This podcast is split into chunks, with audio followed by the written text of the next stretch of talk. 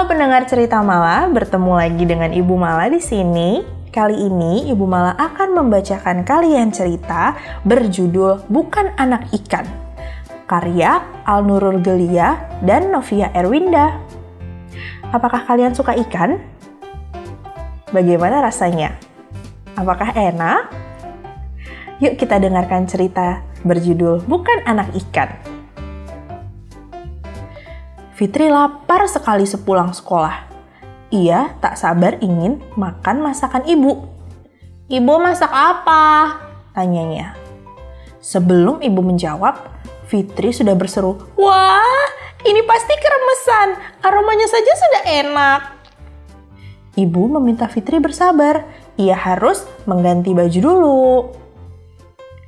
Ini keremesan kan, Bu? Hmm, enak sekali. Fitri menyuap lagi, lagi, dan lagi. Itu bukan keremesan, kata ibu. Hah? Masa iya? Lalu Fitri mengamati isi sendoknya. Oh, ternyata ini bayi ikan. Ini suapan terakhir. Hap! Hmm, nyam, nyam, nyam.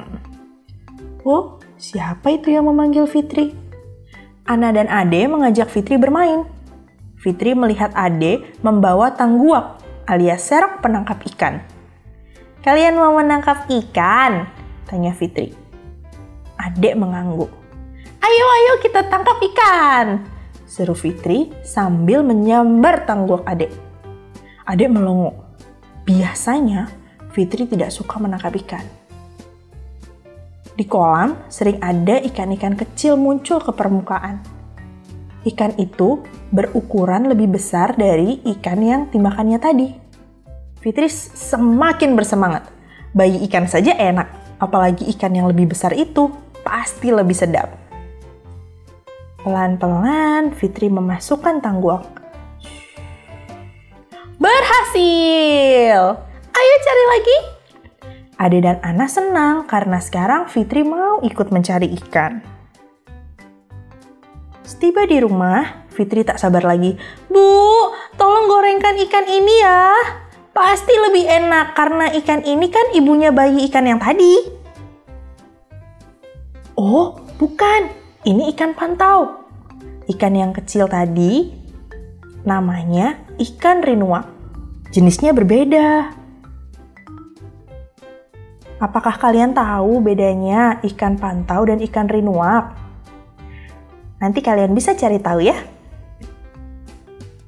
Nah, Fitri merasa kecewa. Di mana kita bisa menangkap ikan rinuak itu?